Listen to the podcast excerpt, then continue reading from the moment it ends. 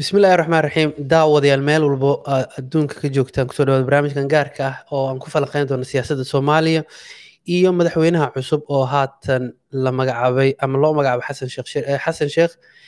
Barnaamijka maanta waxaa igala qeybgeli doona cumar axmed maalin oo ah wariye kana tirsan raadiyo sweden kuna takhusay culuumta siyaasadda gaar ahaan umuuraha ama arrimaha la xiriira geeska africa cumar marka hore ku soo dhowo barnaamijka aad iyo aad aad umahadsan tahay ayaale farxada iita barnaamijka maanta waxaan ku falaqeyn doonaa guud ahaan siyaasadda hoose inta badan aanan loo jeedin waxyaabaha madaxweynaha cusub laga fili karo dhan walba siyaasad ahaan amaan ahaan iyoba iyo maxaa leedaha xiriirada adduunka ula yeelan doono haddaan soo kala ka koobno cumarow boqolka maalmood oo soo socota maxaa is leedaha waxa horyaala ninka leera xasan sheekh xasan sheekh waa mahadsan tahay marka hore maxamed ayaale janiskan aad siisay. Tan kalena waxay tahay waxaan u hambalyaynaya halkan marka hore madaxda qaranka la doortay madaxweyne xasan sheekh maxamuud.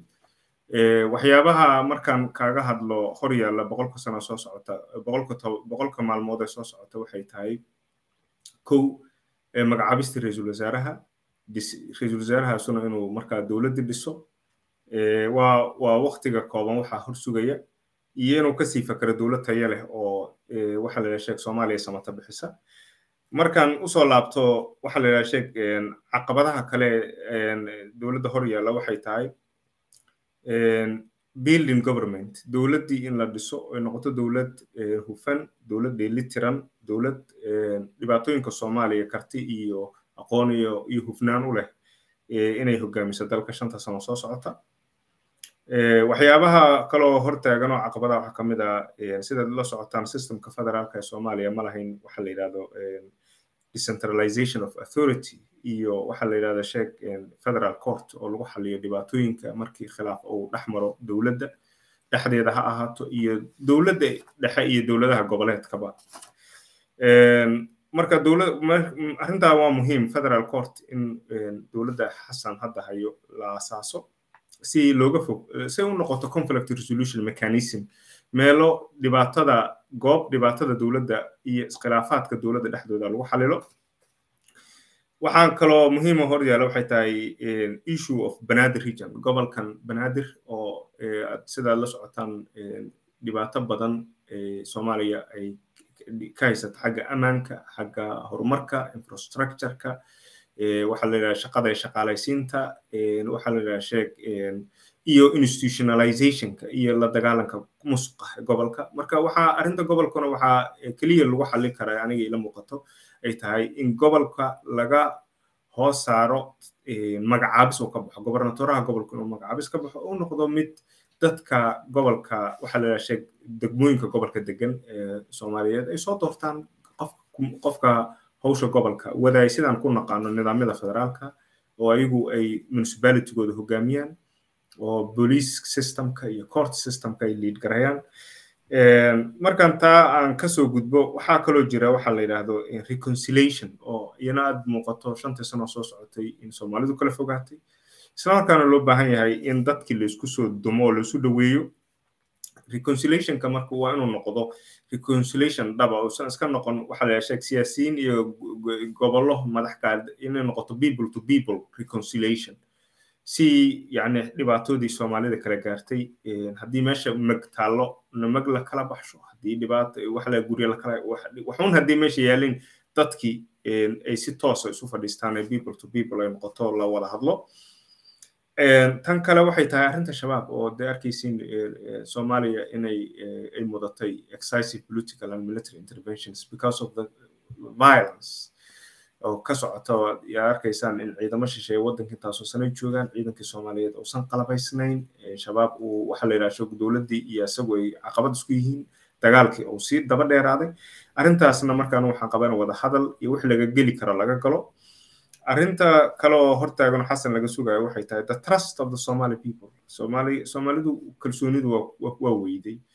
Dowlad aan ku kalsoonnaha waxaa noogu dambeyday dowladdii militariga iyaduna wax qabatay laakiin dee qaladaad samaysay. Marka kadib laakiin dowlad soomaaliyeed oo waxaa la sheeg saddex waxyaabood oo aasaas u ah dowladnimada kow ay ka mid tahay political sovereignty economic viability waxaa la sheeg legitimacy iyo waxaa la yidhahda sheeg inay absolute control ay haysato waxaa la yidhahda sheeg under its jurisdiction. Waa la la'yahay.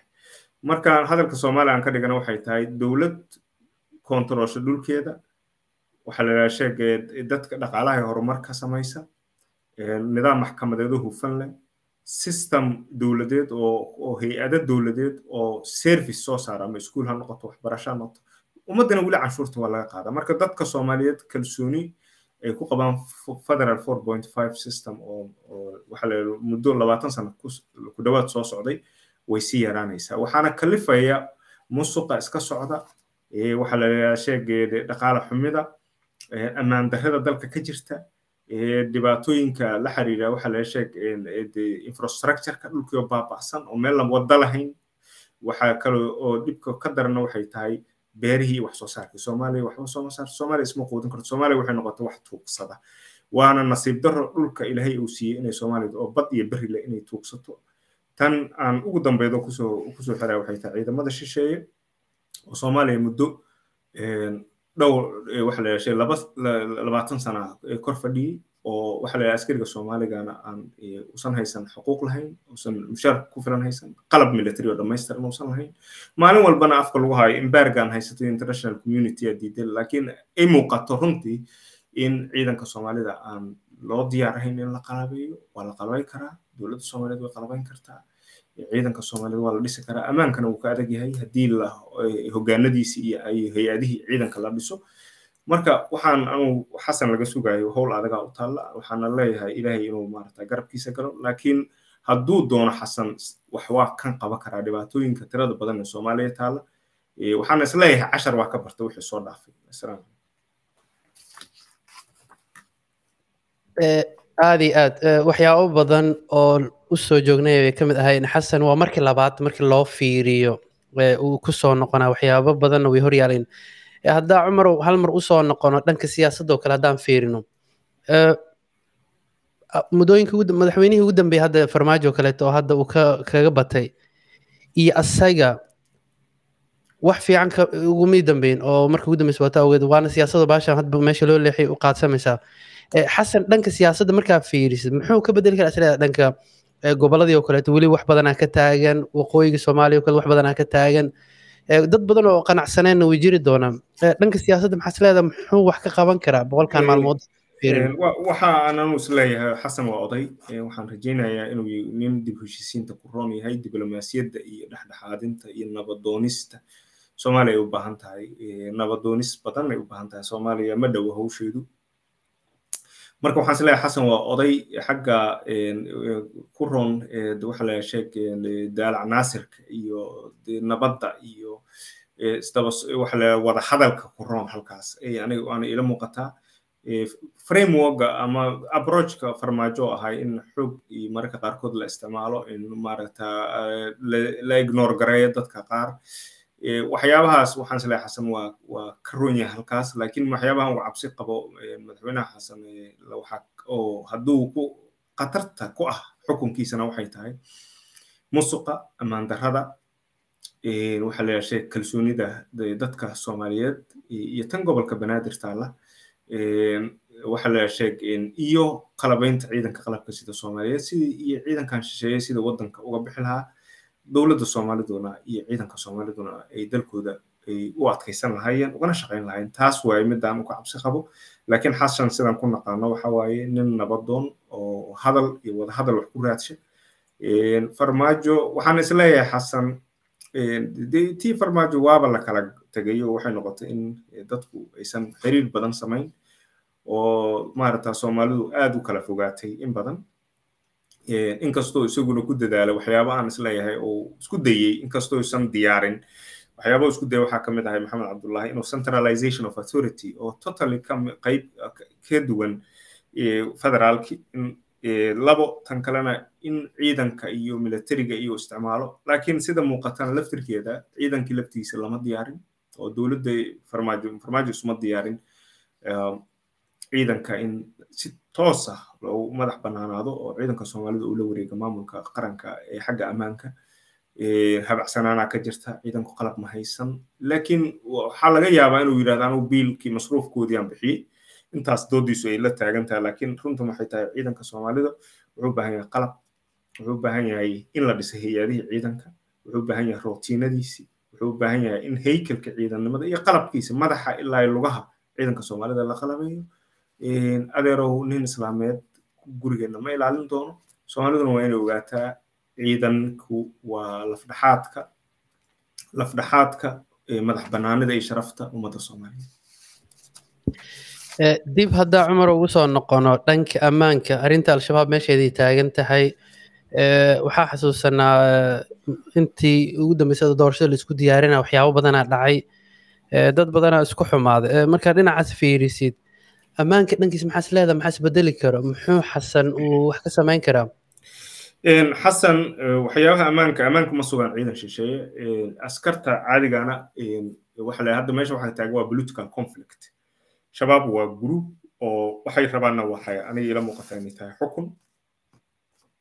Waxayna rabaan in waxa la waxayna waxayna ku rabaan xukunkaasi ayagu method iyagu ay leeyihiin oo u gooniya therefore aniga waxay la tahay in wadahadal lala furo oo lala hadlo.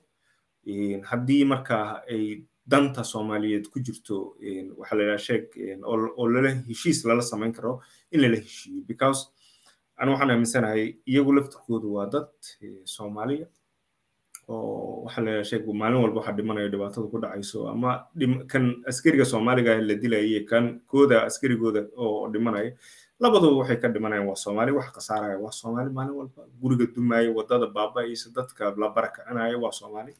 Sidaa darteed ana waxaan qabaa in iyagana wadahadal lala furo lala hadlo laguna soo daro dowlad inclusive ay noqoto oo waxaa la yidhaha sheeg laftirkooda priority keligood aan la siin gobollada iyo waxaase dowladdiiba heshiisiina xasan uu sameeyo oo si aan uga baxno isticmaarka si aan uga baxno isticmaarka si aan uga baxno ciidan shisheeye maalin walba dalkeena inuu taagnaado si sharaf dilka na lagu hayo oo u yaraado in ayadana wadahadal loola sameeyo la soo dumo lagu soo daro dowladnimada. Because waxay rabaan waa waa rule. Runtu waa sidaas. Waxay u dagaalamayaan waa xukun. Then waxay ku xukunkana waxa waaye dadka u ka dhexeeya marka waxaan qabaa anigu xasan dowladdan federaalka kuma imaan public vote. Qof walba oo soomaaliya ma codayn waxay ku timid saddex boqol iyo dhowr parliamentarian oo qol yar isku xirto. Oon ognahay in laaluush iyo wixii ka dhaca meesha musuq iyo qaabdaro ay tahay. Marka waxaa muhiima in dowladda uu hayo waa dowlad daciifa markaan runta kuu sheego kalsoonida xagga shacabka ku liidato dadnimada waxa la heshay soomaaliyeed aysan ka muuqan na loo taliyo ilaa maanta ciidanka soomaalida iyo dowladda soomaalida iyo institutionkooda la biilo loo taliyo. Marka waxaa muhiima in uu ka shaqeeyo xasan wada hadalka nabadaynta isku dumista soomaalida. Ama shabaab ha noqdaano ama jinni kan ama waa keer ama reer ha noqdaano eygay u taallaa. Maadaama dhulkan iyo dadkaanu naga dhexeeyo in lala hadlo qof walba oo soomaaliya la soo dhoweeyo xukunka wax laga siiyo dowladda lagu daro xoolaha loo qaybiyo dhulka wax laga siiyo anuu sidaasay ila tahay. Waa arrin meeshaad yeelan doonto. Mar haddaan fiirino dhanka kaleete saddexdan bilo ama boqolkaa maalmood ugu soo horeyso iyo xasan si uga soo gudbi doono oo ay tahay mid miisaankeeda yeelan doonto caqabado badanaa hor yaallo oo hadda qeybahaasa ka mid ammaankii oo kaleeto siyaasaddii oo kaleeto. Marka hal mar dib ugu noqono maadaama geeska african wax badan aa ka qortay aadna ugu xildheeraad waddamada deriska saameyn weynay nagu yeeshaan inta badan oo siyaasaddii hadda ugu dambeysa hadda xasuusta xataa saameyn badan ku yeelatay soomaaliya.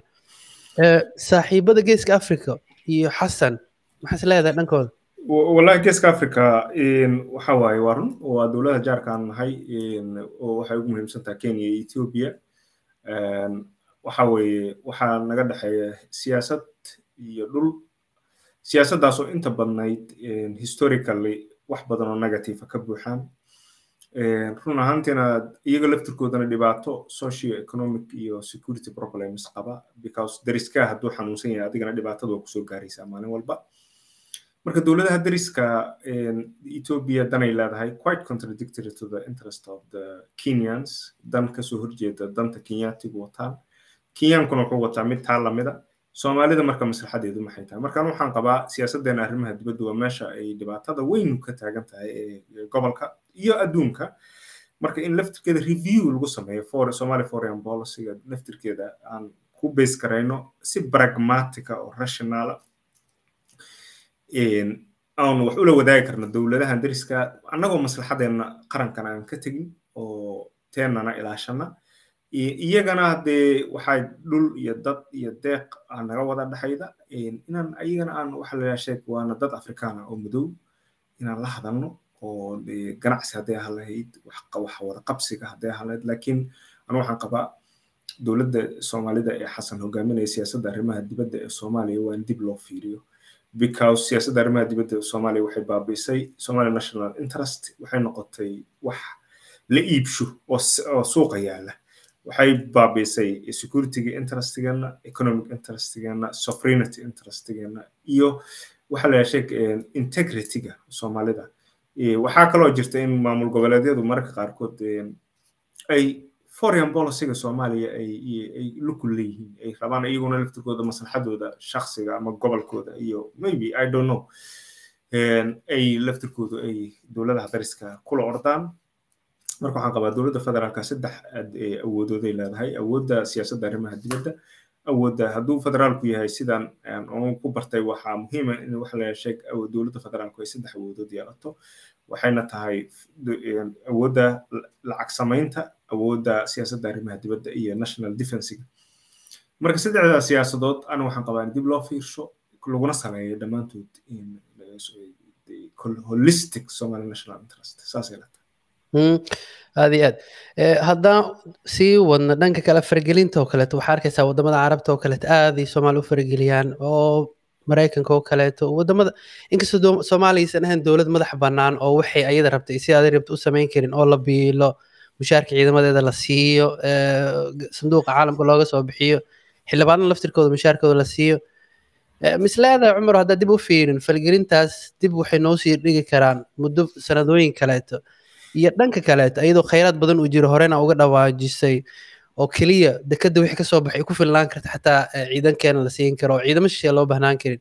Marka gudaha markaa isku fiiriso marka fargelinta iyo tayadarida iyo tabar la'aanta dowladda dowlad walba soomaaliya soo martay haysateen maxaa is leedahay marka dhankaas waa sax horta political iyo political iyo military excessive political military interventions. Faragelinada noocaas oo militariga siyaasadeed waa jiraan ama carab ha ka yimaadaan ama caalamka kale ee reer galbeedka ka yimaadaan ama dowladaha dariska waxaana u sababa faragelinta inaanan midaysnayn. Waxaa jira unity ma jirto.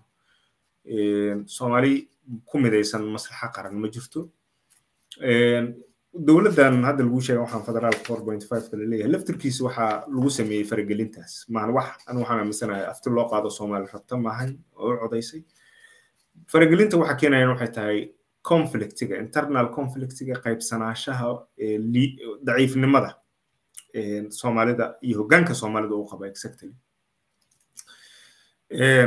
sida marka dowladaha carabta igu danay leeyihiin sacuudi dan uu leeyahay imaaraadku dan uu leeyahay waxayna haystaan waxaadna moodaa siyaasiyiinta soomaalida in laga dhigtay dadka kasiinada cayaaroo kale oo la saarto oo qamaarka cayaaroo kale in lacag la saaro hebel marka hebel maslaxadan carbeed ama maslaxad dowlad kale oo shisheeye u fulsho isagoo maslaxadiisa shaksiga xoogaa yaroo sandareertaa la siiyo waana runtii wax laga nasiib daraa oo aad u foolxuno ceeb ku ah oo meel walba markaan tagna waana la weydiiya ardayda markaan halkan yurub shirarka ka qayb gelayn dee ceebtaas wayna haysataa. Soomaalida in ay noqoto madaxdeedu dad laaluush iska qaata iska dawarsada masaalix dan kale oo shisheeyana fulsha laakiin dadkoodina aan war taas waa jirtaa markaan waxaan is leeyahay fargelinta.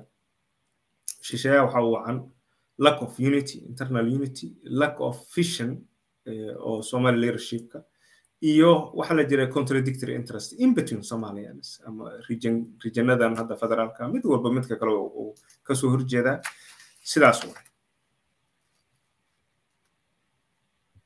si fiican waxyaa waxaan dareemaynaa waxyaabo badan inay weli qasan yihiin oo aana dhammaystirneen dowladba dowladdii ku xigtana waxbay soo kabaysay gudaha markaa fiirisa marka boqolkaa maalmood ee hor yaallo dowladdan cusub mis leenahay waxay kaga duwanaan kartaa kuwii hore maadaama ka jaanis badan tahay kuwii hore ay wax soo bilaabeen ayagana sii wadi doonaan. Wax fursad ma dareemeynaa wallaahi aniga ma aaminsani horta in waddadu dhowdahay wax badanna lagu kala duwan yahay laakiin waxaan aaminsanahay inay runtu tahay inuu jaanis cusub haysto xasan boqol maalmood waa yar tahay. Hawsha soomaaliya hortaalla in wax laga qabto hoggaanka soomaalida hortaalla ma sahlana. Waa hawl aad u dhib badan very complex. Laakiin anigu rajada ilaahay lagama quusto. Waxaan u rajeeyayaa inuu waxa la yidhahdo madaxweyne xasan iyo dowladdu soo dhisi doono. Saddex waxyaabood keliya ay soomaaliya haddii ay soo focus ka saarto. Kow waa arrinta ammaanka dib heshiisiinta iyo siyaasadda arrimaha dibadda oo soomaaliya ay ka walacsanayd wax badan ay ka walacsanayd waxaa intaa lagu dari karaa arrinta maxkamadaha oo federal courtiga iyo waxa la national army. ciidanka qalabka sida soomaaliyeed in la qalableeyo nimankan shisheeyaha oo iska jooga xalanana in naga tagaan aan ka shaqayno inay naga tagaan because anu wax badan soomaaliya tari doonaan ama ay tareen aad iyo aad. Haddii aan gabagabada intaana gaarin kahor aan fiirin cumar waxaa jirto caqabado badan oo horyaali doono. Ee markaa fiirin dhanka ammaanka siyaasadda xiriirka caalamka iyo amison laftirkooda oo kiiskooda mar walba la sii cusbooneysiiyo oo bedelkii ciidankii la sameyn lahaa. Marka dib u fiiri marka caqabadaha horyaala hadda maxay tahay marka rajada noo muuqato?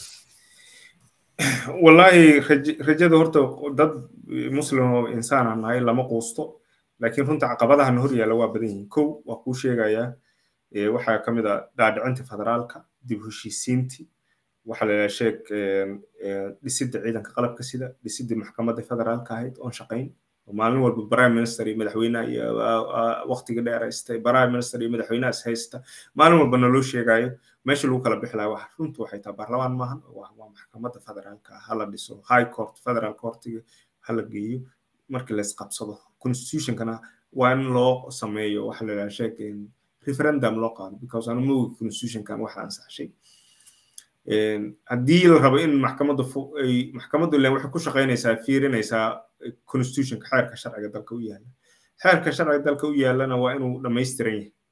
Si maxkamadda federaalku u shaqayso ana maxkamadda federaalka waa meesha ugu muhiimsan oo federal institutionska soomaaliya ka dhiman federal institutionsa la sameeyey federal parliament federal executive federal president without federal court. Waa ceeb secondly waxay tahay ciidanka qaranka soomaaliyeed inuu ammaanka qaato wadahadallada la furo arrinta ku saabsan ama shabaab ha noqoto ama qolo walbo banaanka taagan dowladda banaanka taagan inclusion inuu aqbalo. Intaas ay la tahay. Aad iyo aad. Waa dhammaadkii cumaro madaxweyne xasan iyo gruubkiisa iyo qaybta horu ka soo shaqeeyey inta badan hadda waxyaabihii markii doorashada socoto uu ka sheekeyn jiray waxay ahayd wax badan aan soo barto marka inaan wax saxa loo maleeyo. Ilaahay garbiisa galo. Doorka marka dadka banaanka jooga waddamada dibadaha oo kaleeto ama wax bartay ama maxay ayagana doorkooda soo noqon karaa maxay ku soo kordhin very big. Wayna qabteen in badan. Haddana waxaan leeyahay inay sii xoojiyaan. Kow soomaalida kii wax bartay annagu waxaan leenahay soomaaliya meel kale aan leenahay ma jirto